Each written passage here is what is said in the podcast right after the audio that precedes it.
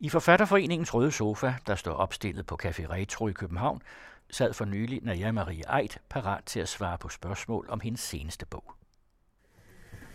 Velkommen til alle her, og velkommen i den røde sofa, Naja Marie Eid. Uh, vi skal i dag snakke om dit forfatterskab. Du har jo skrevet inden for mange genrer, specielt digte og noveller, blandt andet øh, novellesamlingen Bavian, som du fik øh, Nordisk Råds litteraturpris for. Og så har du skrevet dramatik, og du har også skrevet et filmmanuskript. Og nu har du så for første gang skrevet en roman, nemlig den her, der ligger her, Sten, Saks, Papir, som vi især vil snakke om i dag. Mm-hmm. Øhm, og jeg vil gerne starte med at spørge dig, helt overordnet, hvad er det så for en roman, du har skrevet? Kan du selv karakterisere den? Det var et meget svært spørgsmål det var meget at starte med, synes jeg nok. Men øhm, øhm, jeg skal prøve. Ja, hvad er det for en roman? Det er jo altid svært at se det, man selv laver udefra, især når man sidder og laver det. Og nu er der gået noget tid, så måske jeg kan øh, forsøge at øh, ikke lave en analyse af den, men fortælle lidt om den mere måske sådan, hvad det er, jeg har gjort helt, øh, helt øh, i værkstedet, kan man sige. For eksempel er det en roman, der foregår i nutid. Det er en roman, der foregår i tredje person, men øh, det, der hedder en subjektiv tredje person, og det vil sige, at man følger hovedpersonen meget, meget tæt, øh, men ikke som en jeg-fortælling. Altså han bliver hele tiden, han bliver hele tiden omtalt ved sit navn, og som han, men samtidig så kan vi kun få det at vide, som han oplever. Og det er det, der er det subjektive ved det. Det vil sige, at det er en tredje person, der nærmer sig øh, første personen, kan man sige, altså jeg-fortællingen meget. Det giver nogle begrænsninger øh, i forhold til, hvad vi kan få at vide, og det har jeg brugt øh, aktivt, kan man sige, i måden romanen er bygget op på. Men det er altså en roman, der handler om en mand, øh, Thomas O'Malley Lindstrøm, som har en, øh, en papirforretning sammen med sin bedste ven, og han lever sammen med en kvinde, der hedder Patricia. Og når romanen starter, så øh, er hans far lige død i fængslet. Hans far har været kriminel, og en meget dårlig far, kan man godt sige. En voldelig, øh, øh, svigtende far. Og Thomas har ikke set ham i mange, mange år siden han var teenager, da faren dør. Og selvom at han hader den her far, og har gjort alt, hvad han kunne i sit liv for at blive det modsatte af sin far. Han har foretaget en social opstigning, han har nogle helt andre værdier. Øhm, så bliver han ramt af farens død på en måde, som han slet ikke selv forstår. Han ryger ud i en kæmpestor krise, som han har meget svært ved at erkende selv, og som trækker ham i mange forskellige retninger. Han har en søster, som øh, øh, en lille søster, Jenny, som ikke har foretaget den samme sociale opstigning, øh, som, har et, øh, som han har, eller hun har, eller hvem der nu har. De har et meget symbiotisk forhold, fordi de har været de eneste, de har haft. Moren forlod dem, da de var små. Øhm, eller nærmere forlod hun den her voldelige mand og lod børnene blive tilbage.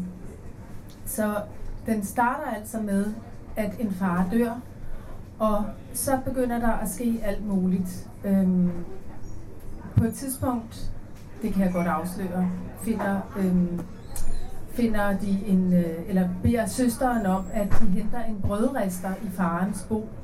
Og da den så ikke virker, og Thomas skal lave den for sin søster, så finder han noget meget værdifuldt inde i den. Og det tager han. Og det viser sig så, at der åbenbart også er nogle andre, der er interesseret i det, der lå i den brødrester. Og på den måde så er der sådan, kan man sige, en understrøm, en mørk understrøm gennem romanen, øh, som så nærmer sig det kriminalistiske, men det er ikke nogen krimi. Øh, det er igen det her med den, den, altså den måde, jeg har brugt den, den aktive måde at bruge den subjektive tredje person på, så kan vi aldrig nogensinde få mere at vide, end hvad Thomas ved. Og det er der nogle læsere, der har været meget frustreret over, fordi at når man anslår sådan et kriminalistisk tema, så vil man også gerne have at vide, hvem der så gjorde det, og hvad det var, der skete. Og det øh, får man ikke øh, helt at vide i denne her bog. Men noget, der også er vigtigt at fortælle måske, det er, at Thomas er den eneste mand i sin familie. Altså, der er lille søster, og der er lille søsters datter. Øhm, og så er der hans moster, som lever sammen med en kvinde, og de to kvinder bor ude på landet og har et sæt tvillingepiger.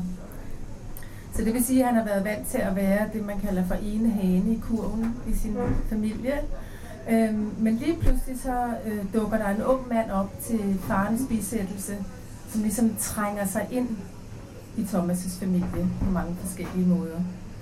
Og der opstår et sådan et had-kærlighedsforhold, kan man sige, hos Thomas. Altså han er både faktisk øh, øh, til sin store skræk næsten, eller seksuelt tiltrukket af den her unge mand, og samtidig så er han vildt paranoid i forhold til ham, og tillægger ham alle mulige forfærdelige øh, ting. Så man følger altså øh, Thomas sådan fra, eller historien sådan over en, over en sommer, en lang sommer. Og øh, der er nogle tidsspring, som har været nødvendige, fordi at, at bogen foregår i det, der hedder, altså sådan, ja, ligesom i Bavian faktisk, det som jeg kalder for hysterisk nutid. Det vil sige, at, øh, at man altså øh, hele tiden tvinges til at være i hvert eneste nu. Øhm, der er nogle tilbageblik, men ikke særlig mange. Og det vil sige, at når man fortæller på den måde, så er man nødt til at fortælle alting. Og hvis jeg skulle have fortalt alting over et år, så var det blevet en meget, meget tyk roman. Så derfor har jeg lavet sådan nogle tidsspring, hvor man altså hopper lidt frem i historien. Ja, tak. Det, hvad hedder det, det med synsvinkel og, og tids, øh, hvad hedder det, udstrækning, det vil vi komme til at snakke mere om, men øh, jeg tænkte på, at det var en god idé, at du måske læser lidt højt af den, så vi ligesom kan få en fornemmelse af, hvad det er for en bog, du har skrevet, ja. og så øh, snakker vi videre bagefter. Ja, og så havde jeg faktisk tænkt, at jeg ville øh, læse åbningen for jer, sådan, så I kan komme til at møde Thomas og Jenny, præcis sådan som man møder dem, når man begynder at læse bogen. En mand skrår over gaden midt i byen. Det støvregner. Larmen fra trafikken, fra råb og gøende hunde, fra vejarbejdere og ambulancer, fra kurende duer og skrigende børn i klapvogne, gøende hunde, tog, der bulrer afsted under gaderne, fra hektiske teenager og mumlende hjemløse, fra busser og gadesælgere er øredøvende og intens. Thomas går over gaden med en tynd lædermappe under den ene arm og en paraply under den anden, og lige hælende på ham en lys buttet kvinde. Hun småløber for at følge med. Hun kommer næsten op på siden af ham og griber fat i hans frakke. Hendes cotton coat flagrer bagud som en hale eller en drage. Hun ser sig forvildet omkring. En bil kører mod dem i høj fart. Hun gisper og styrter fremad, og så er de i sikkerhed på fortorvet, og Jenny slipper Thomas og siger, kan du ikke bare bruge fodgængerovergangen, ligesom, man, ligesom normale mennesker? Du er ved at slå mig ihjel. Hendes øjne er store og blanke. Har du grædt? spørger Thomas. Jeg har ikke grædt. Det så ud, som om du græd, da vi sad deroppe. Måske græd jeg indvendigt. Jeg var ved at dø af sult. Hun slår med nakken og begynder at gå. Thomas følger efter. De bevæger sig ned ad en sidegade væk fra larmen. En lang, smal gade, dårligt oplyst. Klokken er halv syv, mørket vokser omkring dem. Luften er kølig, en regndråbe rammer Thomas' kind, og lidt efter sidder de over for hinanden ved et bord i en lille restaurant. Thomas lader blikket glide over de genstande, der står imellem dem. En grøn lærskål med olivenolie, en kur med brød, peberkværn, saltbøsse, en karaffel med vand og to umage glas. Jennys fede hvide hånd piller ved en serviet. Så læner hun sig tilbage og ser på ham. Hvad mener du om advokaten? Kan vi bruge ham? Har vi noget valg? Det har vi vel ikke. Hvorfor kom du for sent? Det ved jeg ikke. Måske tøvede jeg. Tøvede du? Hvorfor tøvede du? Han smiler til hende og tænder en cigaret. Kan det ikke være lige meget nu? Skal du absolut ryge? Ja. Må man overhovedet ryge her? Ja. Hvad vil du spise? Vil du have et glas vin? Jeg vil have en Bloody Mary og pasta med flæsk og en grøn salat. Kan du huske de oliven, vi fik sidst vi var her? Tror du, vi kan få dem igen? Tjeneren, en krumrykket ældre mand med bølger i sit sorte hår, tager deres bestilling og forsvinder ud i køkkenet. Thomas får et glimt af to unge mænd, da svingdørene åbnes. Den ene bøjet over nogle dampende gryder, den anden baksende med en stegepande. Deres ansigter glinser af sved i køkkenvarmen. Men i det højloftede rum, de sidder i, er der køligt. Thomas skutter sig. En midaldrende kvinde står i baren og pusser glas.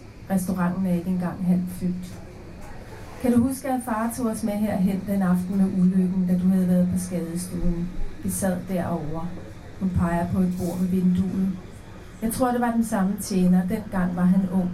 Og du var bleg som et lagen. Hvor gamle var vi? Jeg var 11, du var 9. Og vi måtte bestille lige, hvad vi ville. Jeg fik kun chokoladekage. Tre stykker. Hun lærer pludselig højt. Ha, du var så bleg som et lagen, selvom der ikke var sket noget. Der var jo ikke sket noget alvorligt, Thomas. Småskrammer. Ikke andet end småskrammer. Tjeneren placerer de dampende tallerkener foran dem. Barkvinden sætter en rød drink dekoreret med en bleg bladselleristilk fra sig midt på bordet, som om den var til deling. Ikke andet end småskrammer, siger Thomas langsomt og skubber drinken over til Jenny. Sådan kan man se på det. Åh, oh, vær nu ikke så teatralsk. Spis din mad. Skål. Hun løfter sin Bloody Mary, så lyset fra lampen skinner gennem den røde væske. Ha! Ikke andet end småskrammer. Det ligner virkelig blod, det der, siger han og peger på glasset med gaflen. Så borer han den ned i sine oksehaler og skovler sovs op med kniven. Tjeneren kommer humpende med en halv flaske rødvin og en tallerken med oliven. Men Jenny er ikke tilfreds. De er på ingen måde som dem, vi fik sidst. Kedelige, blottet for smag. Jeg tager ved på, at de er købt i det nærmeste supermarked smag selv. Alting bliver dårligere med tiden. Alt, alt. Har jeg ikke ret? Thomas nægter at smage de kedelige oliven. Han tager en sluk vin og siger, kære Jenny, du skal altid brokke dig. Alting bliver ikke dårligere med tiden. Alting bliver bedre. Nu er vi for eksempel sluppet af med far. Tænk på det. Og han vender aldrig tilbage. Kun i vores mest skrækindjagende mareridt. Hvordan kan du være så modbydelig? Du har altid været modbydelig. Din modbydelighed er konstant. Den bliver hverken værre eller bedre med tiden. Men alt andet bliver værre. Kærlighed og ægteskab og kroppen som forfalder hæsligt, og ting bliver grimmere. Døre, bygninger, stole, biler. Og bestik, hun stikker sin gaffel frem mod ham. Ja, selv bestik bliver grimmere og grimmere, og folk bliver grimmere og grimmere. Tænk bare på Helena og Kristins tvillinger. De går så usmageligt klædt, at man tror, det er løgn. De sendte et fotografi til jul. Kristin må have taget det. Hun er en elendig fotografer. Hun stopper bræt, slipper gaflen og glatter sit skjorteærme. Så ser, du, så ser hun ham lige i øjnene. Du bliver også grimmere. Det gør du faktisk. En gang var du smuk. Du lignede mor og hendes brødre. Kunne vi prøve at tale om noget mere opløftende? Thomas smiler til Jenny, men hun ryster på hovedet og siger, jeg ved ikke, jeg har det ikke godt for tiden. Tror du ikke, vi kan hente bare nogle små ting i fars lejlighed, før den bliver ryddet? Der er jo ingenting, Jenny. Kun meget, meget grimme ting. Han smiler igen, og nu smiler hun modvilligt tilbage. Hendes tænder er gullige, munden bred og rød. Et pludseligt lys i de grønne øjne. Jeg vil godt have brødristeren. Den har jeg et særligt forhold til. Så tag du brødristeren. Det vil ingen opdage. Hvad vil du med en gammel brødrister?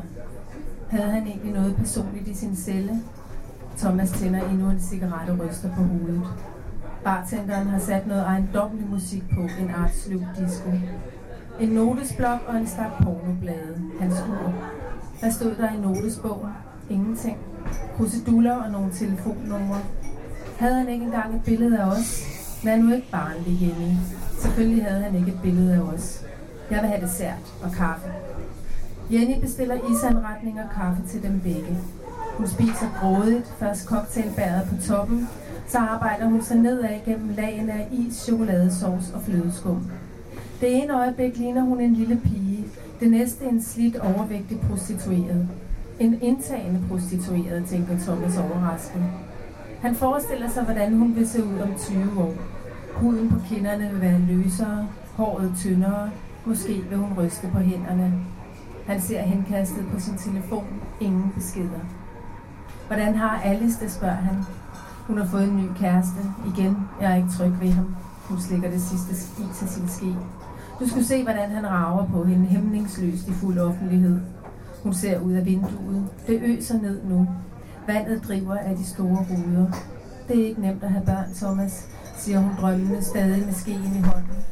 Så samler hun sig. Nå, men så tager jeg ud og henter brødresteren i morgen. Hun smiler skævt, men han kan se, at hun er grødlabil, og han tager hendes hånd i sin og klemmer den og ser påtaget alvorlig ud. Du tager bare bussen lige til døren, Jenny så kan hun alligevel ikke lade være med at le. Men lidt efter kniber hun øjnene sammen og ser hårdt på ham. Okay, siger hun. Hør så her. Sådan her var det. Vi sad lige derovre ved bordet ved vinduet, og far sagde, bestil hvad I vil. Han var ligeglad, sagde han. Først troede jeg ikke på det, men han mente det. Kan du huske det? Han prustede og stønnede. Han svedte ved tindingerne og hen over panden. Kan du huske den måde, han svedte ved tindingerne på? Hvem havde overhovedet ringet efter ham?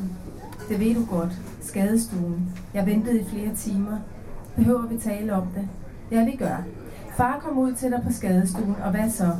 Jenny, lad nu være. Thomas ser opgivende på hende. Kom nu, hvad skete der? Der var sket noget. Min venstre arm var forstuet. Jeg havde slået hovedet og ryggen. Jenny læner sig tilbage og smiler nedladende, næsten skadefro. Jo, jeg havde så, fortsætter Thomas irriteret. Og det første, han sagde, da han trådte ind på stuen, var, hvad helvede har du nu lavet? Han var ligeglad med, at jeg var blevet kørt over. Det var min egen skyld. Gik du ud foran en bil, eller hvad? Nej, og det ved du også godt. Thomas mærker vrede stige op i sig. Stemmen bliver presset og spids. Den kørte for hurtigt, den drejede om hjørnet og ramte mig fra siden, så jeg landede på køleren. Det ved du godt. Måske blev han blændet af solen. Det var forår. Hvem blev blændet af hvilken sol? Bilisten selvfølgelig, men det var ikke min skyld. Thomas sukker dybt. Jeg var på vej ned for at købe brød ja. Jenny spærer næseborene en lille smule op og ser væk med løftede øjenbryn. Og jeg sad og ventede på dig i entréen. Ventede og ventede, men du kom aldrig. Som om det var min skyld. Jeg taler ikke om skyld, jeg siger bare, at du ikke kom. Jeg havde ondt i maven af sult. Jeg sad bare der på huk, lænet op ad væggen. Kan du huske, hvor mørkt der var i den entré? Hvor lang den var? Pæren i loftet og de brune vægge. Føj, hvor var de brune. Det var som om, de var levende, når man var alene. Der var skygger og sorte huller. Sorte huller. Ja, sorte huller. Jeg var så bange. Jenny har våde øjne nu. Thomas trækker på skuldrene og giver tegn til tjeneren, bestiller mere kaffe. Jeg var bange, Thomas, gentager Jenny indtrængende. Se på mig. Han var skidefuld, siger Thomas. Vel var han der ej. Nu overdriver du igen. Jo, han var. Han svarede. Tror du ikke, jeg kunne se, når han var fuld? Og det kunne du også. Han stank. Prøv at høre her. Jeg havde fået jernrystelse, Jenny, og et blåt øje, et åbent sår i hovedet, en forstuet arm, og han stod bare og svarede og postede som en idiot. Han gloede på mig, han gloede ud af vinduet, han satte sig ned og rejste sig igen. Han flimrede rundt på stuen på den der urolige måde, som gjorde os så nervøse, og det, Jenny ryster smilende på hovedet. Thomas peger direkte på hende. Du blev nervøs af det lige meget, hvad du siger. Men jeg var der jo ikke, afbryder hun. Nej, men det var jeg. Og så lige pludselig kom han over mod mig og tog mig hårdt i armen. Så går vi, sagde han, selvom de ville beholde mig på hospitalet. Det var så pinligt. Han var ligeglad. Han trak mig op af sengen og skubbede mig ind i elevatoren. Og jeg kan tydeligt huske det skub, fordi jeg havde så mange skrammer på ryggen. Og så tog vi hjem og hentede dig. I taxa, afbryder Jenny. Ja, og han sagde ikke et ord hele vejen. Hun ranker ryggen, da tjeneren skænker kaffe for hende. Jenny siger, det kan jeg huske, taxaen. Og så kørte vi herhen, og vi måtte bestille lige, hvad vi ville. Og hvorfor måtte vi det, spørger Thomas. Var det en straf eller en fest? Det ved jeg ikke, og hvad mener du med straf? Jeg fik så meget chokoladekage, jeg kunne spise. Men du, Jenny peger på ham, du sad bare og hang over. Hvad var det, du fik? Suppe. Hun ler dæmpet. Suppe? Det blev han sur over. Men det er da også mærkeligt at bestille en latterlig skål suppe, det billigste på spisekortet, når man kan få lige, hvad man vil for en gang skyld, helt ærligt. Jeg var syg. Thomas sætter sin kop hårdt fra sig i underkoppen. Så synker han sammen. Kan vi ikke bare droppe det? Hvorfor vil du tale om det her? Drop hvad? Du fik suppe, du rørte den ikke, han blev sur, og så skvattede du ned fra stolen. Jeg besvimede, Jenny. Jeg havde kvalme, jeg frøs, jeg havde smerter. Det hele drejede rundt for mig. Jeg kunne ikke spise den satans suppe. Hans stemme er en indet væsen, men Jenny ler igen let og lyst. Du besvimede af hysteri, tror du ikke? Det tror jeg. Thomas ryster på hovedet, stiger på Jenny, tænder en cigaret og støder luft ud gennem næsen. Okay, siger Jenny, så taler vi ikke mere om det. Men det var virkelig en god chokoladekage. Og du var helt hvid i hovedet, da du vågnede op igen. Ha! Han måtte nærmest bære dig ud i bilen, selvom han ikke var meget for det. Og så kastede du oven i købet op, da vi kom hjem på gulvtæppet i stuen. Bare på grund af nogle små skrammer. Jernrystelse, næsten råber Thomas. Jernrystelse for Guds skyld. De fastholder hinandens blikke et øjeblik, så mister de begge koncentrationen.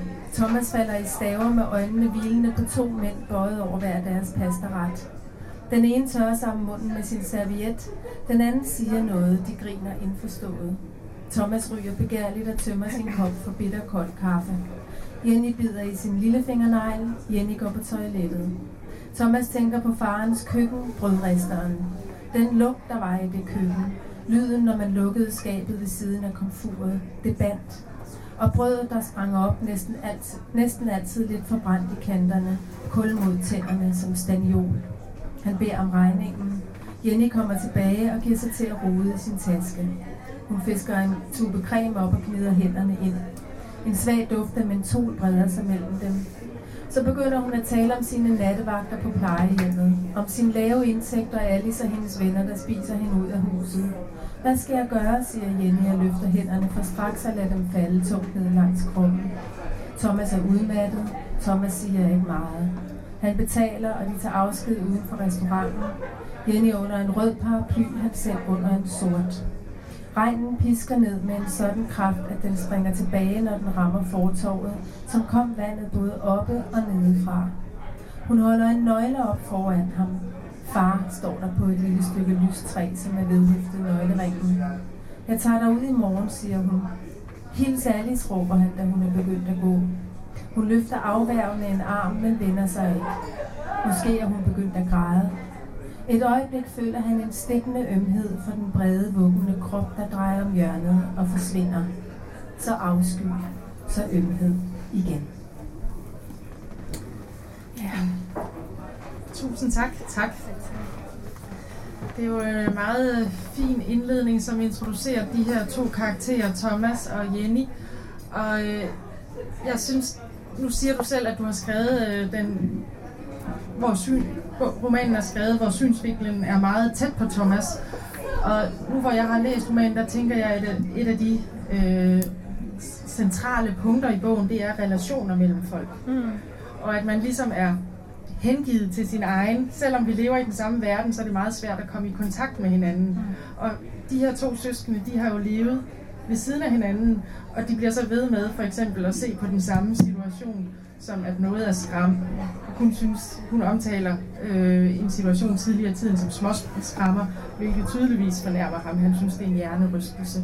Men alligevel, så er det som om, at de alligevel har en samhørighed.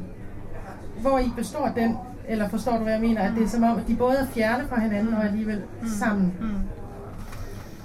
Ja, men altså, der er jo selvfølgelig de her magtkampe, som vi kunne høre her i det, jeg læste, og at der, der er jo også sådan en offerpsykologi, kan man sige, hos dem begge to, og særligt hos Jenny. Altså, der kan være sådan nogle øh, kampe om, hvem det er mest sødt for nogle gange, som hun i hvert fald prøver at sætte i gang.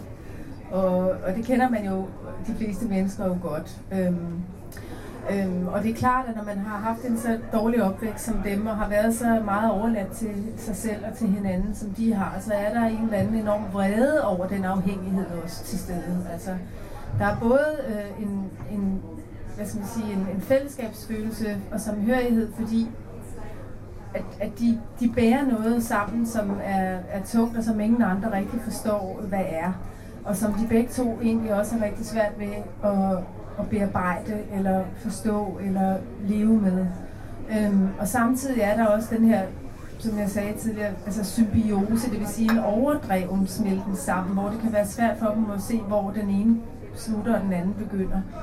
Øhm, og, og det præger deres forhold. Øh, og, og oftest er det, er det de her roller, som de ligesom er frosset fast i, hvor Thomas skal hjælpe Jenny. Altså han skal være storebror, han skal være den ansvarlige og tage sig af hende, og hun skal ringe og, og, og klynke og øh, brokke sig og hele det der, og så, får, og så skal han sige noget bestemt, og så får hun det straks meget bedre, og så lægger hun på, og så har han det helt forfærdeligt dårligt, fordi han er blevet helt tømt af at skulle øh, ligesom tage sig af hende. Ikke? Så der, der er, det er sådan en, der er en ambivalens i helt klart i deres forhold jeg synes jo øh, også i dine noveller i Bavian og også tidligere, at søskende i det hele taget spiller en, øh, en øh, stor rolle. Altså der er tit, øh, øh, et søskende forhold står tit centralt, og det er som om, at sådan de, de vertikale, kan man sige, sådan øh, forældre-børn-aksen i familierelationen kan måske skure lidt, men den horisontale, altså søskende på tværs, på godt og ondt,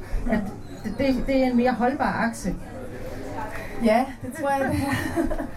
Øh, ja, men jeg, har, jeg, altså nu siger, altså både det der, du siger med, med kommunikationen og menneskers øh, kommunikation og manglen, mangel på kommunikation og vanskeligheder ved kommunikation har jo optaget mig altid, og, øh, og det kan man øh, finde mange eksempler på i, i hele mit forfatterskab, tror jeg. Øhm, og søsterrelation, med søskenderrelationen er det det samme. Jeg synes, at søskenderrelationen er en virkelig spændende relation, fordi at, øh, at ens søskende jo er de eneste, som man deler et meget, meget specifikt vilkår med. Altså man, man deler alle hemmelighederne fra sin opvækst på en eller anden måde. Også alt det, som forældrene ikke ved.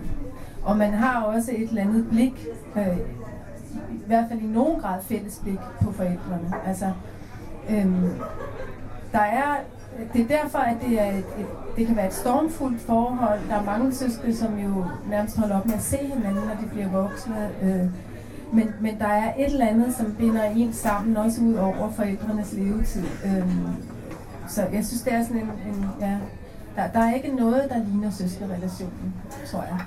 Man får også indtryk, øh, nu skal vi nok lade være at afsløre sådan 100% handlingen helt igennem bogen, men vi kommer til at tale lidt om nogle centrale punkter. Men jeg vil lige sige til folk, at jeg har læst den to gange, og den var rigtig god anden gang også, da jeg kendte handlingen. Så det betyder ikke noget. Men øh, øh, Thomas her, han har jo et, øh, et øh, firma, som du også sagde, øh, eller en, en forretning med sin bedste ven, øh, øh, Maloney, øh, og han har fulgt ham, øh, de har ligesom kendt hinanden gennem mange år. Og øh, han bliver også nogle gange, i hvert fald to steder, men flere steder har jeg indtryk af, regis, øh, omtalt som en bror. Jeg du er næsten som en bror. Hvorimod øh, den her anden person, der kommer ind i fortællingen efter, der trænger sig ind i fortællingen, øh, brorskikkelsen, øh, efter farens død, øh, Luke, Luke, han har flere navne, det vender vi tilbage til. Han øh, er måske en bror, Øh, men han bliver på et tidspunkt omtalt, selvom han måske er en bror, som du er ikke min bror. Ergo kan man se det lidt som øh, et kvalitetsstempel. Er du bror eller ej? Det er ikke bare et DNA-spørgsmål, det er, det, er, det, er, det er noget, man gør sig fortjent til. Mm. Ja, altså øh, ham der hedder Maloney, som er øh, øh Thomas' marker, øh, de har fulgt ad siden de var ganske unge, og det er hans bedste ven. Og fordi de har fulgt ad gennem livet og har den her forretning sammen, de er meget forskellige.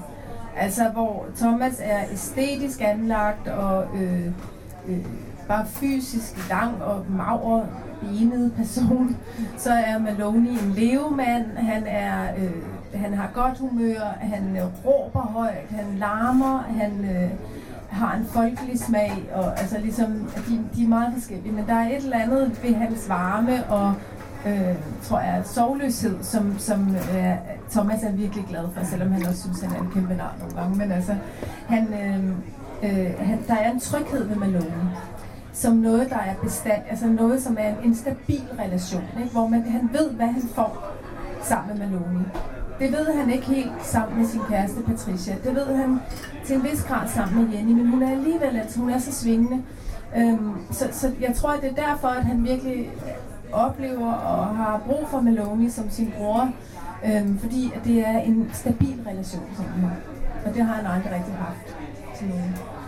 Nej, og på den måde, der gør han sig fortjent til, øh, til at være bror, øh, modsat måske mm. øh, Luke. Luke ja. som... Altså, øh, Luke eller, eller Luke, øh, det, det er både det, den franske og den amerikanske udgave. Det, det må vi lige tale noget om, det med de navne der. Det kommer vi tilbage til. Øh, men men øh, han... Øh, ham oplever Thomas helt klart som en trussel, altså som en, der vil komme og tage noget fra ham. Øh, han er mystisk, øh, dragende, uforudsigelig, og øh, Thomas er misundelig på ham af mange forskellige grunde. Også fordi han er ung og smuk, øh, også fordi han til synlædende havde et forhold til faren, og at faren har været virkelig sød over for ham. Øh, øh, han har lært ham at fiske, han har øh, han har lært ham om poesi, han har gjort alle mulige ting, som, som Thomas øh, mener, ikke, altså det kan ikke være muligt, at det kan være den samme, at den samme mand, der har talt om, der har gjort det her. Ikke? Så det vil sige, at han har en helt, sådan helt primitiv misundelse og jalousi, og så er han også, øh, øh, og så føler han, at så føler han, at Luke på en eller anden måde truer ham, truer hans eksistens. Og det passer jo også lidt det med, at han har haft et andet forhold til faren på den der følelse af, at at øh, man egentlig er prisgivet sin egen lille boble. Det, som man tror er virkeligheden, det er måske ikke virkeligheden for nogle andre. Noget, der er småskrammer for en, det er hjernerystelse for en anden, og, øh, og noget, som har været en voldelig og decideret ubehagelig far, har haft en faragtig karakter for en anden person. Lige præcis. Og det, det er klart, at det der sker, når der kommer en og siger, øh, øh, sådan var han ikke, øh, så kan man sige, at hele den fortælling, øh, om, som Thomas har om sig selv, og som, Jens, som de har om sig selv og deres øh, far, den, den falder til jorden ikke, med et brag. Og hvad har, hvad har han så? Ikke? Og, så og så kan man sige, at fordi alt det her sker, øh, fordi han er i en krise af mange forskellige årsager, blandt andet på grund, mest af på grund af farens død, men også fordi han altså tager det her, han ikke måske ikke burde have taget, og dermed får en hemmelighed, og dermed isolerer, altså bliver isoleret, han kan ikke, der er noget, han ikke kan tale med, øh, eller tale om med sine nærmeste. Øhm, præcis som hvis han nu havde været sin kæreste utro. Altså det der med den ensomhed, der kommer, når man er øh, alene om noget, man ikke kan sige. Øh, alt det til sammen, kombineret med Lu, der kommer der, altså det, kommer, det virker så provokerende på ham. Øh, og, og, og for ligesom hans identitet, altså han, han mister sin følelse af at være samlet eller have en identitet. Øh, vi vil vende tilbage til nogle af de ting med identitet og ensomhed, men jeg kunne godt tænke mig, at vi lige går et skridt tilbage og snakker lidt om det sted, romanen er placeret. Ja. Fordi det er jo et uh, interessant sted. uh, fordi det jo uh, på en måde er meget genkendeligt, og så samtidig ikke genkendeligt. Altså, der optræder flod, der optræder en kirke, der optræder en gadesælger, der optræder øh, boligblok med et, i nærheden af et center. Alle sammen steder, som vi kender. Vi kender bare ikke det her sted. Det er som om, det er fyldt med tegn, men det peger ikke nogen retning. Mm. Ja, altså... Øhm, øhm, for nogle år siden, så skrev jeg en digtsamling, der hedder Alting Blinker, og den øh, handler meget om sted. Den handler om øh, stedsbundethed, øh, hvad sted betyder, øh, betyder det overhovedet noget, øh, hvor, hvor, hvordan kan man høre til, hvordan kan man ikke høre til, hvordan kan man føle sig fremmed og ikke fremmed, og alle sådan nogle ting. Så derfor så havde jeg lyst til øh, at, fokus, altså at, at, at, at gøre mig fri i forhold til stedet. Øhm, både på grund af, at jeg havde været, øh, brugt så meget tid på at undersøge stedets betydning, kan man sige, men også fordi, at jeg jo bor i New York og pludselig sad og skulle skrive en historie, og jeg tænkte, hvor fanden skal det foregå for sit liv? Altså, skal jeg sidde her øh, i Brooklyn og skrive om Hvidovre, altså, eller skal jeg forsøge at skrive om New York, selvom jeg er tilflytter, eller skal jeg finde på noget helt syvende? Og det, øh, det var, altså pludselig kunne jeg mærke det der med, at jeg også havde været væk i nogle år fra Danmark, og jeg ikke var helt, altså jeg vidste ikke, hvad jeg så i fjernsynet, jeg vidste ikke, om hvordan sproget var på gaden helt, og altså de der ting, små bitte ting, som man faktisk skal vide, øh, hvis man skal skrive troværdigt om noget. Samtidig følte jeg mig også stadigvæk ny, øh, eller i hvert fald, at, at det, jeg ville skrive om New York, ville lige meget hvad jeg gjorde, bærer præg af, at jeg kom udefra og beskrev det. Fordi jeg ved stadig ikke, hvad amerikanerne taler om, når de er helt alene. øhm, når de går hjem til sig selv. Øhm, men men øhm, derfor så, altså jeg tænkte, at altså de to ting kombineret gjorde, at jeg tænkte, at jeg bliver simpelthen nødt til at vende det her til et eller andet positivt og få en, en ny mulighed ud af det, så jeg opfinder simpelthen mit eget sted. Og det gjorde jeg så, og det var vildt sjovt og gigamørtet, altså fordi jeg kommer fra poesien, hvor man kan sidde og bruge tre uger på at flytte rundt på et komma. Det er jo virkelig noget af det mest nørdede, der findes. Så, så det der med at skulle finde på et sted, som, som skulle være et sted i den vestlige verden, men som skulle rumme karaktertræk fra alle mulige steder. Det var helt vildt spændende. Altså det var sådan noget med, når for eksempel, der kunne ikke være, der kunne ikke være køkkentrapper, så ville man vide, at det var i Nordeuropa. Ja. Der kunne ikke være brandtrapper uden på husene, så ville man vide, at det var USA. Der kunne ikke være dit, der kunne ikke være dat. Men samtidig kunne jeg ligesom tænke på de brede boulevarder i Paris, og jeg kunne tænke på Østeuropa, jeg kunne tænke på engelske arbejderkvarterer, jeg kunne, jeg kunne gøre alle mulige ting. Ja, man føler, det er sådan en potpourri af forskellige ting, som, mm. som ikke er forankret, ja. men som øh, nogle steder øh, peger måske mere på Skandinavien, nogle peger mere på USA. Mm. Og det gælder egentlig også det mad, de spiser, og de navne, de har. Nemlig, fordi det var så en anden ting, det var, at jeg ville have, at personerne skulle have navne fra alle mulige sprog.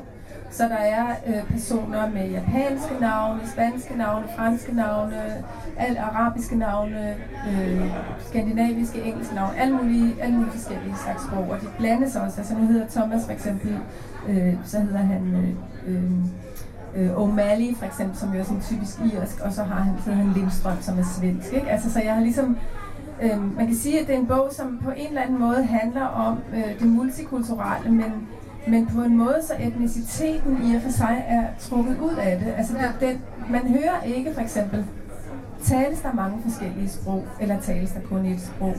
Øh, hvad, man, man, hvis, hvis, en, hvis en hel masse i en familie, som for eksempel Thomas' far, som hed Jacques, øhm, og de bærer ligesom sådan øh, franske navne. Vi hører aldrig nogensinde noget om Frankrig. Altså det vil sige, at på en eller anden måde forestillede jeg mig sådan, at Europa var flyttet sammen til et stort land, og på, jeg forestillede mig noget fremtidsagtigt. Jeg der var mange forskellige billeder øh, på det, men jeg synes, at der var et eller andet enormt befriende ved at at, at være fri af det der. Altså, så jeg havde sådan en vision om, at, at mennesker skulle, at alle mulige slags mennesker skulle kunne føle sig hjemme. Ikke?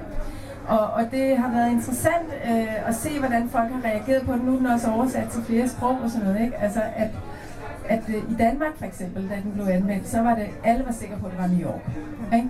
Fordi de ved godt, at jeg bor i New York. Altså, min amerikanske oversætter, hun sagde, at det er så dansk. Altså, det er, det er Skandinavien. Det er Skandinavien. Ikke?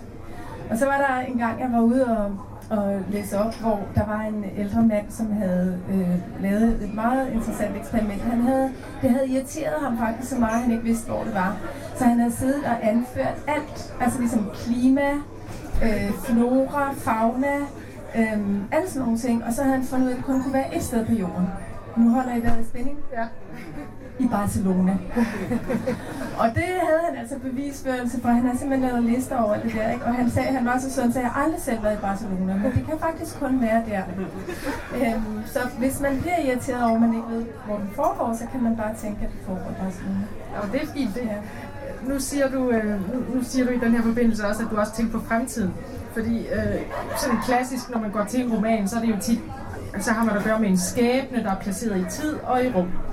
Og øh, meget bekendt så er den jo, ligesom den ikke er forankret, man kan, altså, ligesom rummet er fyldt med genkendelse uden at forankre sig, så gælder det øh, så vidt jeg lige øh, kan se det samme for tiden. Altså de har mobiltelefoner og hjemmesider, de sms'er til hinanden, men der er ikke, øh, så vidt jeg lige kan huske, egentlig præcise tidshenvisninger til, at der faldt tårnene, eller det var jo efter krigen, eller så på den måde svæver den også i den samme form for genkendelig, men ubestemmelig tid. Ja, ja den er taget ud af historisk tid. Øhm, så det, det, man kan sige, det som man så måske vil kunne finde af historisk materiale, det vil man kunne finde i for eksempel barndomsminderne og sådan noget, men, men det kunne være hvad? Altså det, i, i virkeligheden, det har jeg selvfølgelig holdt godt øje med, det kunne være 50'erne, men det kunne også være 70'erne, og det kunne også være dybt set 80'erne. Altså, det kommer igen an på, hvad er det her for et sted, hvor langt er man fremme, og hvad, altså sådan nogle ting, ikke? Når, jeg tænkte også på, at når, når det er taget ud af stedet, så, så øh, får man jo en frihed, og så mister man også nogle konnotationer, som man ellers kender. Du kan ikke sige, at han boede i op og East, eller hun kom fra Hellerup. Man er nødt til ligesom at beskrive, det var det pæne kvarter, mm. øh, så man skaber det forfra for læseren. Mm. Ja, ja, helt klart. Øh, men altså den frihed, som det jo også giver at trække ud af tid og rum, jeg kan ikke lade være at spørge, det ligger sådan lige for. Er det så en myte? Er det en myte? Det, var, det, har jeg, det har jeg aldrig blevet spurgt om før. Øh, det var da et virkelig godt spørgsmål. Ja, det kan da godt være, det er det. Altså, fordi den altså, handler jo om et menneske i en altid. Mm. Altid, kunne man mm. sige, i et uh, alsted. Mm.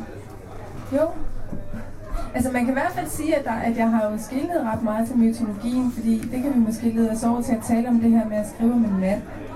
Øhm, fordi at jeg har jo altså skrevet om en mand, og, og, og han er den meget, meget dominerende hovedperson, og jeg er jo altså nødt til at være helt inde i hans hoved.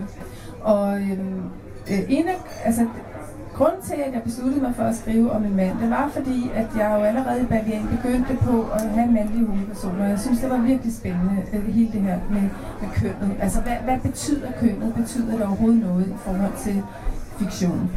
Øhm, så var jeg også blevet optaget af køn af mere politiske årsager, fordi jeg også bor i et land, der, hvor der overhovedet ikke er ligestilling, og hvor der er, altså, hvor det er forfærdeligt langt bagud, hvor det er noget, som der tales meget om. Øhm, og jeg kunne godt tænke mig at, at prøve at skrive noget om køn, men jeg tænkte, øh, der skrives så meget om det fra et kvindeligt synspunkt. Det kunne være spændende at, at prøve at gøre det fra et mandligt synspunkt og stille sig selv det spørgsmål, hvordan kan man være mand? Altså, hvordan kan man være mand med de krav øh, og forventninger, der ligger til manden i dag? Og der, der kan man så sige, at det måske bliver lidt historisk. Så klart, jeg, jeg skriver jo i den tid, jeg selv lever i, og, det, og på den måde kan man jo sige, at al litteratur er jo historisk i en eller anden forstand, selv myterne. Øhm, ja. Men øhm, så tænkte jeg, at jeg ville simpelthen ville trække ham igennem alle de myter, der, der knytter sig til det maskuline. Og det er lige fra homofobien til faderopgøret, brodermordet, øhm, øh, det mandlige venskab, øh, erobringstrang, øh, forholdet til kvinden, øh, forholdet til, til, øh, til datteren, som så bliver, øh, og til sønnen i virkeligheden også. Altså alle, alle de ting, som jeg overhovedet kunne finde på, og som jeg overhovedet kunne næsten finde i den græske mytologi og alle mulige islandske sager, alle mulige steder har jeg så altså, trukket den her stakkels hovedperson igennem. Øhm, så han bliver konfronteret med de ting. Og ja, Ja, han ender jo så også med, øh, at hans, øh, altså der er jo også noget Kain Abel, eller det ved jeg ikke om er for meget, men i forhold til øh, øh noget, noget opgør mellem bruder, bruder og ham. Og der, der siger brugeren faktisk, du er ikke en rigtig mand. Det er en af de ting, øh, som ja. den ene bror siger til den anden. Ja. At han bliver beskyldt for at være en, en svag, en svag en kvindeagtig mand. Ikke? Ja. Så, så men det er jo interessant, at du synes, at øh, altså, jeg vil sige, nu det, fordi man er kvinde, behøver man jo absolut ikke at have en kvindelig hovedperson, og vi ved, altså en af de største øh, kvindeportrætter i øh, romanhistorien, Madame Bovary, er jo skrevet af en mand, Præcis. og på den måde, mm. det er jo, men derfor så, øh, så bliver man alligevel, eller jeg blev i hvert fald, da jeg læste dine noveller, indtil jeg vendte mig til at blive overrasket, øh, øh, forbavset de første par gange, når man har fulgt en karakter øh, i nogle sider, og så er en eller anden øh, øh, kønskedelig, øh, vanemæssig tankegang har forestillet sig, at det er en kvinde, og så pludselig er det en mand. Så der er også en overraskelse i, øh, i teksten især. Øh. Især i novellerne, fordi ja. jeg har brugt det som sådan et øh, suspense, eller sådan ja. et virkemiddel, kan man sige. Ikke? Netop, for at, og, og, netop for at pointere det der med, betyder det noget? Og hvad er det for en forventning, man har umiddelbart? At, at når man læser en kvindelig forfatter, har man en forventning om, at det er en kvindelig hovedperson, og en mand omvendt. Men men øh, netop, altså der er jo fyldt med altså Anna Karenina, og altså der findes jo et verdenslitteratur buler af, af kvindeportrætter herhjemme, Herman Bangs fantastiske kvindeportrætter. Så egentlig synes jeg, det var ret grotesk, da den udkom, at alle var så overrasket over, at jeg havde skrevet min mand. Altså, øh, øh, og at det var ligesom, det var der ret mange mandlige anmeldere, som faktisk var virkelig sure over. det kan de gøre Men det interessante har jo så været, og det var selvfølgelig også det, der var min frygt, fordi er det så et ordentligt mandeportræt? Og det er jo så kun uh, mine mandlige læsere, der kan afgøre det. Så, så det er klart, at det er jo på den måde, så våger man jo pelsen, når man ikke... Og, fordi selvom man har skrevet et utroværdigt kvindeportræt, så kan man altid komme og sige, at man selv ved, hvordan det er at være kvinde, så derfor er det troværdigt. Så, men jeg synes, det har været vildt spændende, og jeg vil sige, at øh, jeg synes øh, ikke, det har været vanskeligt på nogen måde. Jeg tror, at, det, at når man skriver fiktion, altså når man er prosaist, altså, så skal man simpelthen kunne sætte sig i, i alle menneskers sted. Altså jeg skal jo forestille mig, hvordan det er at være en lille dreng på to og, og en ældre herre på 80, og alt muligt derimellem, og plus alt, hvad der har med kvinder at gøre. Så øh, hvordan det er at være handicappet, hvordan det er at være homoseksuel, altså alt, alt muligt, som jeg ikke nødvendigvis selv er, men som som jeg skal kunne forestille mig. Og det er vel også præcis det, man, at jeg så kan. Altså, at det, det, er jo, det, det er jo derfor, jeg skriver. Øhm, at jeg har den her sådan lidt sygelige, øh, antenneagtige øh, psykologi, som gør, at jeg øh, ligesom har nemt ved at suge ind i andre mennesker jeg synes også, at det var egentlig overraskende, for eksempel, for der er selvfølgelig også en masse mandlig seksualitet i bogen og sådan noget, og det er, selvfølgelig kan man sige, som heteroseksuel kvinde, så har jeg jo været udsat for mandlig seksualitet efterhånden langt liv. Men, men øh, egentlig så, fordi det var faktisk overhovedet ikke svært, og jeg synes, at det, der sker et eller andet med den sammensmeltning med en, med en, en øh, øh, hovedperson, som især når man skriver så hektisk, som den her bog er skrevet, og, øh, at, at, at jeg blev jo faktisk til Thomas, altså på en eller anden måde. Jeg sad jo også bare Thomas 8 timer om dagen, og, og det og det er den transformation, som på en eller anden måde sker, og som også skal ske, for at man kan... Øh, øh, altså det er det offer, man må give, at man må forlade sin egen personlighed på en eller anden måde, og, og, og blive til en anden. Men øh, så tænkte jeg, at vi kunne prøve at kigge lidt mere på ham her, Thomas, for hvem er han? Han er en mand, en mand men han er jo også et menneske. Mm. Og øh, øh, jo primært et menneske. Ja. ja. Altså, noget jeg tænkte over, da jeg læste bogen, det er, at det er som om, at hans krop nogle gange er sådan, den er autonomisk, kan man sige. Den handler uden, at han styrer den. Pludselig så griner han, pludselig så græder han. Nu er det jo også en, en mand i, krig, i krise. Øh, pludselig så har hans hånd lyst til at slå. Pludselig så overfalder han, eller forgriber han sig på sin kæreste. Øh, øh det er som om kroppen har, har en, selvstændig vilje, som han lader sig flyde med. Mm. Ja, og jeg tror, det hænger sammen med, at fordi han på en eller anden måde, øh, at der er nogle ting, som han nægter at tage fat på i sit liv, og der er en, en hel masse fortrængte, øh, uerkendte ting, eller muligvis erkendte og bare fortrængte. Øh, Øhm, at han, han nægter for eksempel, at han har en krise. Så, så sker der jo nogle gange det, at hvis man gør det, så hvis, det, hvis man ikke lader det komme frem i, altså i psyken, havde jeg sagt, så, så giver det sig et fysisk udtryk, at nogle mennesker bliver syge, øh, altså får nogle mennesker reagerer med kroppen, og andre mennesker reagerer psykisk, og sådan er det bare. Men altså det han gør, det er, at ved den fortrængning, enorme fortrængning, og, og, og raseri over overhovedet og, og, og komme ud i den her krise, så, øhm, så, så, så får han en form for, kan man næsten sige, fysisk angst. Altså han får en eller anden angsttilstand i sin krop. Øhm, og det sidste Thomas ønsker, det er at være ligesom sin far, men faktisk så bliver han mere og mere ligesom sin far efterhånden, som krisen skrider frem. Øh, og, og de der voldelige ting, øh, som han gør, øh, det, det er, er han jo dybt ulykkelig over. Selv, men det er noget, som ligesom bare som, som vælter op, ligesom et barns raserianfald, som, som man ikke selv kan styre. Men jeg synes, at noget af det, noget lignende sker også øh, på det følelsesmæssige plan. Altså i det, øh, i den øh, stykke, i det stykke fra, indled, fra indledningen af romanen, som du startede med at læse højt, det, det slutter faktisk med, at han i forhold til sin øh, søster, så føler han afsky, så føler han ømhed, så føler han afsky igen. Det er som om, han er, han er udsat for sådan nogle bølger, øh, både af krop og følelser, som, øh, som, som om øh, skibet ikke har nogen kaptajn, om man så må sige.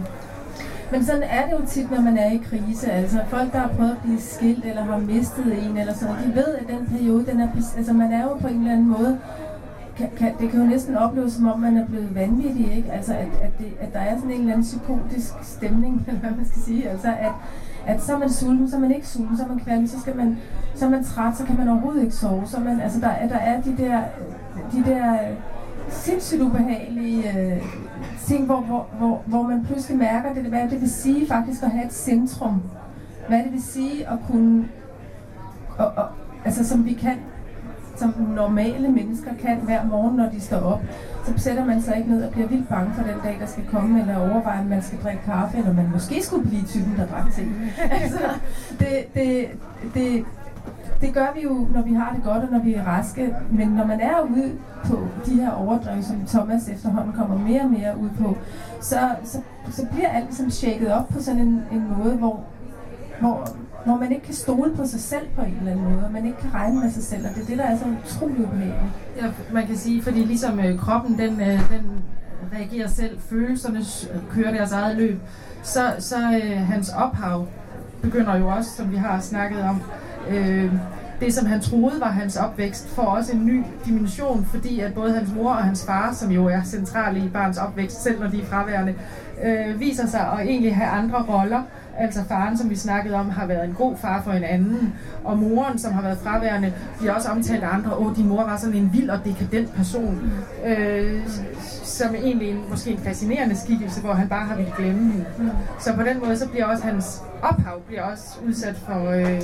Netop, og det er jo vildt, øh, altså, altså det kan vi jo godt alle sammen forestille os, at hvis, Altså er der ikke den der historie med Lars von Trier, hvor han pludselig finder ud af, at han ikke er jøde, eller han er jøde, eller jeg kan ikke huske det, men, men det der med, når man, eller folk, der finder ud af, jeg er adopteret, eller han var ikke min far. Ikke?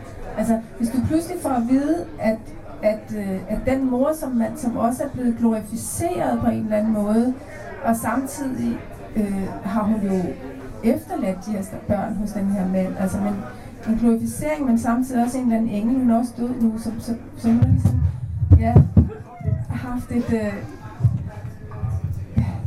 i deres, i, bør, i Jenny og Thomas' bevidsthed, har de i hvert fald et, et billede af, hun var sådan. Så pludselig kommer søsteren og fortæller, hvor vild og dekadent hun var. Okay, nå, no. altså, hvad så? Ikke? Og det, ja, fordi det, det fører jo også lidt hen på, hvad er egentlig identiteten, når alt, øh, jeg havde nær sagt, alt blinker, men når alt er i spil, hvor er så, øh, hvor er, hvem er han så? Hvor, hvor kan han finde sig selv? Ja, men det er jo så det, der er spørgsmål, og det vil jeg så ikke helt sikker på, at romanen den giver svar Nej, det er jo noget af det gode, at den ikke men, giver svar på alt det, den spørger Ja, Øhm, men, men, men man kan sige, hvis der er en moral eller et eller andet, ikke, så, så hvis det er det, du vil have, Ja, det vil jeg ikke nødvendigvis. Nej, okay. Men, men, men, øh, men, men, men som jeg sagde før, så tror jeg, at meget af det her, det handler om, øh, at hvis der er, at, altså, nu skriver jeg jo ikke sådan noget budskabslitteratur, hvor der er, hvad er budskab, der skriver folk fra folkeskolen altid til ja. når de skal lave deres analyser. Øh, men desværre er det ikke altid så stort et budskab, men, men øh, Øh, men, altså, men, det, men, det, men det i hvert fald handler det meget om, hvad sker der, når man isolerer sig og kommer øh, ud af fællesskabet. Hvad, der sker ikke noget godt ved det. Altså, der, den isolation og, og det ikke at være i, i, i, i et levende fællesskab, øh, øh, gør, at gør ikke noget godt for et menneske. Nej, og det, det får mig lige til at tænke på noget andet, nemlig at ensomhed er jo også et stærkt tema i den her. Han, han føler sig isoleret. Det er jo klart, når han ikke kan, når han hele tiden, altså hver gang han har følt, at verden var på en bestemt måde, nu har han forstået sin kæreste, nu har han forstået sin søster, så viser det sig, at de har forstået situationen anderledes, så han tolker egentlig hele tiden forkert. Men enkelte gange føler han en stor lykke, og det er faktisk, når han er i en socialitet, når han er sammen med ja. sine kolleger, eller ja. med, med, i mostrenes øh, sted på landet. Og... Ja, altså især når han er på arbejde. Altså han elsker den der butik, og Øh, det er jo også hans livsværk, og der har med de ansatte, når de spiser frokost, og det der med Maloney og sådan det er der, hvor han, selv når han har det aller værst, at han lige pludselig kan have det i sådan et øjeblik af lykke, altså det, hvor, man, hvor det simpelthen bare er lidt sjovt lige pludselig, eller sådan som det netop kan være, at man er gået rundt og haft det i lidt i de flere dage, så pludselig sidder man sammen med nogen, og så opdager man, at det var bare det, der skulle til, at man skulle snakke med nogen, eller et eller andet, altså.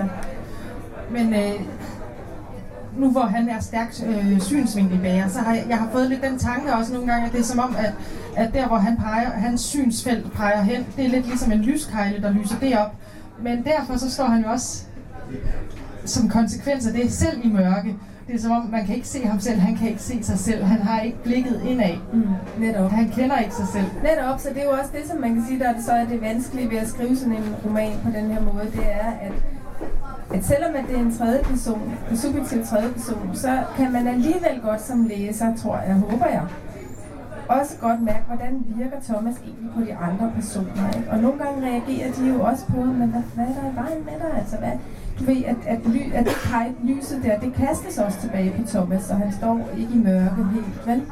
Øhm, fordi Nej, han spejles i de andre skikkelser, kan man sige, i deres reaktioner. Han synes, de andre opfører sig mærkeligt, ja, han, men de andre synes jo så nok med mere god grund, at det er ham, der han, han har jo en del hemmeligheder, som han ikke fortæller. Han indgiver ikke sin kæreste i centrale ting, der sker i hans liv. Samtidig bliver han dybt overrasket over, at folk ikke inddrager ham. Så der er et eller andet... Øh... Han mister, fordi han isolerer sig, og, og så mister han evnen til øh, hvad kan man sige, en eller anden form for...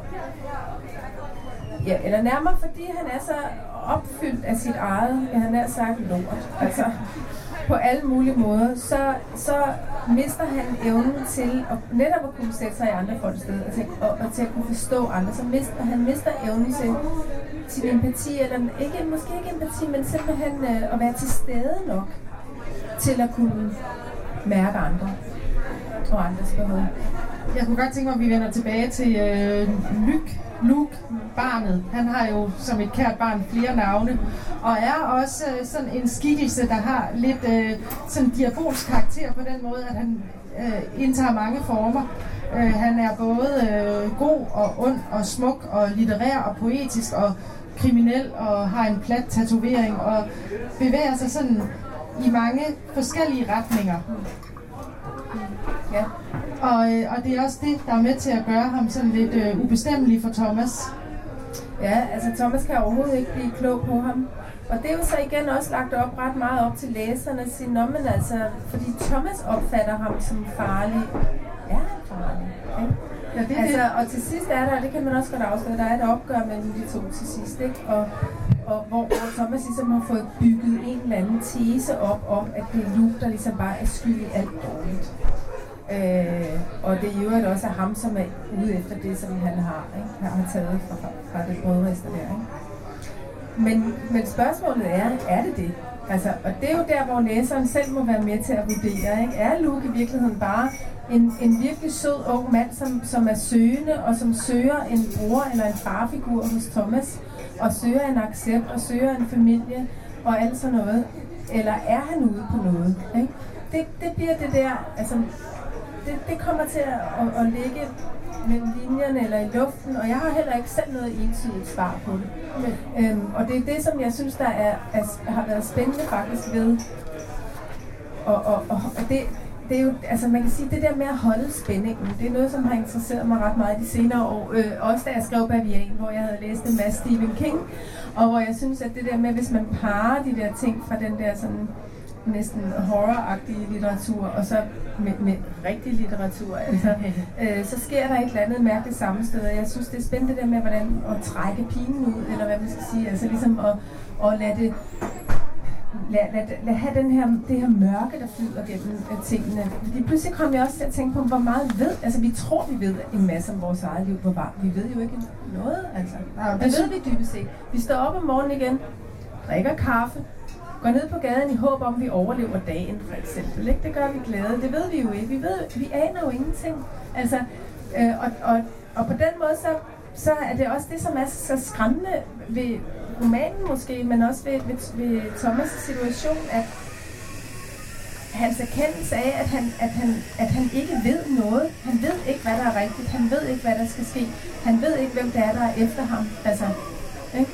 Men, men øh, for mig at se, der, øh, der, øh, nu er det godt nok et portræt af en mand i, i krise, men for mig at se, og det synes jeg er utrolig stærkt, der virker det faktisk lidt også som et menneskeligt grundvilkår, den måde, det er sat i spil. Og derfor så synes jeg faktisk, at det er på en måde en myte. Man kan selvfølgelig argumentere i andre retninger også. Men fordi det siger noget, øh, noget centralt om et, om et menneskeligt grundvilkår, nemlig umuligheden af at komme i kontakt med andre. Og, og øh, umuligheden af at erkende øh, den virkelighed, man egentlig er en, en del af, som jo er det, han prøver på hele tiden. Jo, og så er der jo også det, at som i enhver god myte, så bliver han også udsat for alle mulige prøvelser. Ja, det gør han. øhm, og, og det er jo kedeligt at skrive en roman, hvis man ikke udsætter sine hovedpersoner for alt muligt vanskeligt, som de skal dele med. Øhm, noget, jeg synes, der har været, nu springer jeg lige lidt, fordi det var noget, jeg tænkte på, jeg ville sige, da jeg læste op lige før, øh, fordi når jeg for eksempel sidder og læser op, han betragtede de ting, der stod imellem dem på bordet. Ikke? En skål med olivenolie osv. Ikke? Det vil jeg jo aldrig skrive i en novelle. Nej. Altså, der er ikke plads til den slags ting i en novelle. Og det har været noget af det spændende og vanskelige og sjove ved at, at, at, at skrive en roman. Det, det der med at lære, at man gerne må brede sig. Altså, at der må være bipersoner, som ikke har en afgørende øhm, rolle i, en, i historien, at der må, man må brede sig med detaljer og skabe rum på en helt anden måde, hvor normalt, hvis jeg skriver en novelle, så kan jeg måske have en rød sofa, ikke? og en havedør og en trappe, der fører op til overetagen færdig. Ikke? Det skal være nok til at beskrive rummet. Men nu kan jeg pludselig gå i detaljer, fordi jeg har det et andet format. Ja. Det ja. tog mig virkelig lang tid at vende mig til. Altså i starten, jeg skrev øh, det der, som jeg læste for jer, det har jeg skrevet om virkelig, virkelig mange gange. Og i starten var det sådan noget en side. Ikke? Nå, så var det færdigt. Og, sådan, og da jeg havde skrevet 10 sider, tænkte jeg, nu er den historie færdig. Det, var, det var en novelle, ikke? Ja. Så det der med at lære, øh, altså at, ja, kom nu, du kan bare blive ved, ikke? Øhm, Ja. og det er måske også derfor, det har taget mig så mange år at skrive, altså og overhovedet at, at skrive en roman. Øhm, og det var faktisk først, da jeg skrev Myggestik, som er den sidste novelle i Bavian, at jeg tænkte, for første gang oplever jeg nu, at jeg kan sådan set bare, hvis jeg skrev videre, hvis jeg bare fortsatte nu, så kunne jeg skrive Så roman. kunne rulle sig ud. Ja. Det er som om, jeg har, været så, jeg har haft så meget altså været så æresfrygt i år, for jeg har haft så meget æresfrygt over for romangenren, at, øh, at jeg simpelthen ikke har kunnet have troet, at det var noget, jeg selv kunne finde ud af, fordi jeg forestillede mig netop altid som ung også, at jeg skulle skrive, hvis jeg skulle skrive en roman, skulle jeg skrive en kæmpe slægtsroman. Og det var så sjovt, da jeg så øh, var færdig med bogen her, så tænkte jeg, at det er jo for, faktisk det, jeg har gjort. Det er nemlig også en Ja. slægtsroman, hvor man ligesom har følger en stor forgrenet familie og sådan noget, ikke? Så det var, det var ret sjovt. Hvad hedder det? Ja, fordi øh, nogle af de tematikker, som du har i den her roman, øh, ligger lidt i forlængelse af det, som du også har i Bavian, nemlig den der følelse af, at under Fernis, så, øh, så venter katastrofen, og Fernis er tyndt. Altså, det er faktisk lidt et chok. Jo. Altså, det er jo altid det mest, øh, det synes jeg, åbenbart er jeg et dramatisk anlagt menneske, men jeg, jeg synes, at det er, det er spændende, det der med de der forskellige bevidstheds, altså be, ja, bevidsthed, og hvad, hvad det er for nogle forskellige virkeligheder, øh, der er i vores liv, og, og hvad, der, hvad der er under overfladen, og hvad vi tror, og, og, og hvad vi forestiller os, og hvad der er sandt, og hvad der ikke er sandt, og hvad der er virkeligt, og hvad der ikke er virkeligt. Altså, men øh, nu det er det jo så rullet ud i en større, øh, i en større fortælling her.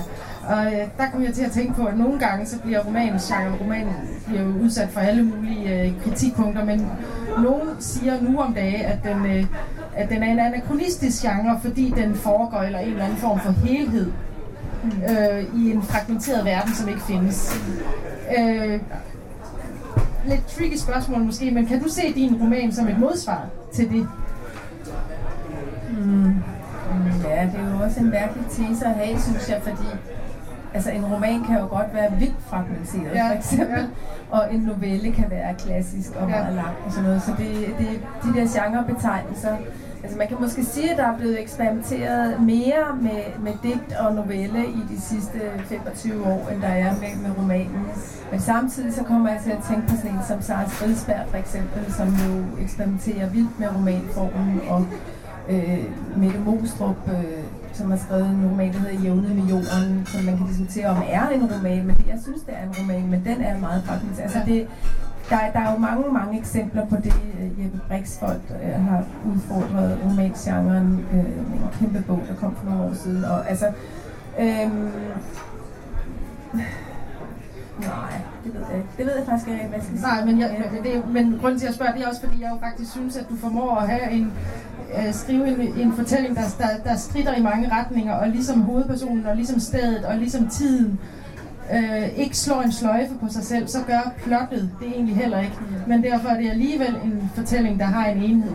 Ja, altså jeg synes altid, jeg synes faktisk tit, at øh, historier, det er både noveller og romaner, som har en fast øh, slutning, og så endte det sådan her bumfærdig sløjfe, er vildt irriterende. Altså fordi sådan er livet jo heller ikke. Altså hvornår ender noget? Ingenting ender før vi dør. Altså der er ligesom, øh, jeg har altid godt kunne lide de åbne, åbne slutninger, hvor, hvor læseren kan få lov til selv at tænke videre. Sådan holder jeg selv af det, når jeg selv læser, at, at jeg kan blive ført ind i et rum, men som også er et rum, hvor der er plads til mig, med, med, det, jeg, med det, jeg læser ind, med den, med den livserfaring, øh, erfaring, jeg har. Og jeg har, jeg har jo bøger, altså der findes bøger, hvis, altså, hvis man læser en bog, når man er 17 år for eksempel, og så læser den igen, når man er 45 eller 25, og så igen, når man er 80, så er det klart, der er jo nogle andre øjne, der læser, og det er jo det, der jeg synes, der er det fantastiske ved litteratur, at vi laver selv billederne.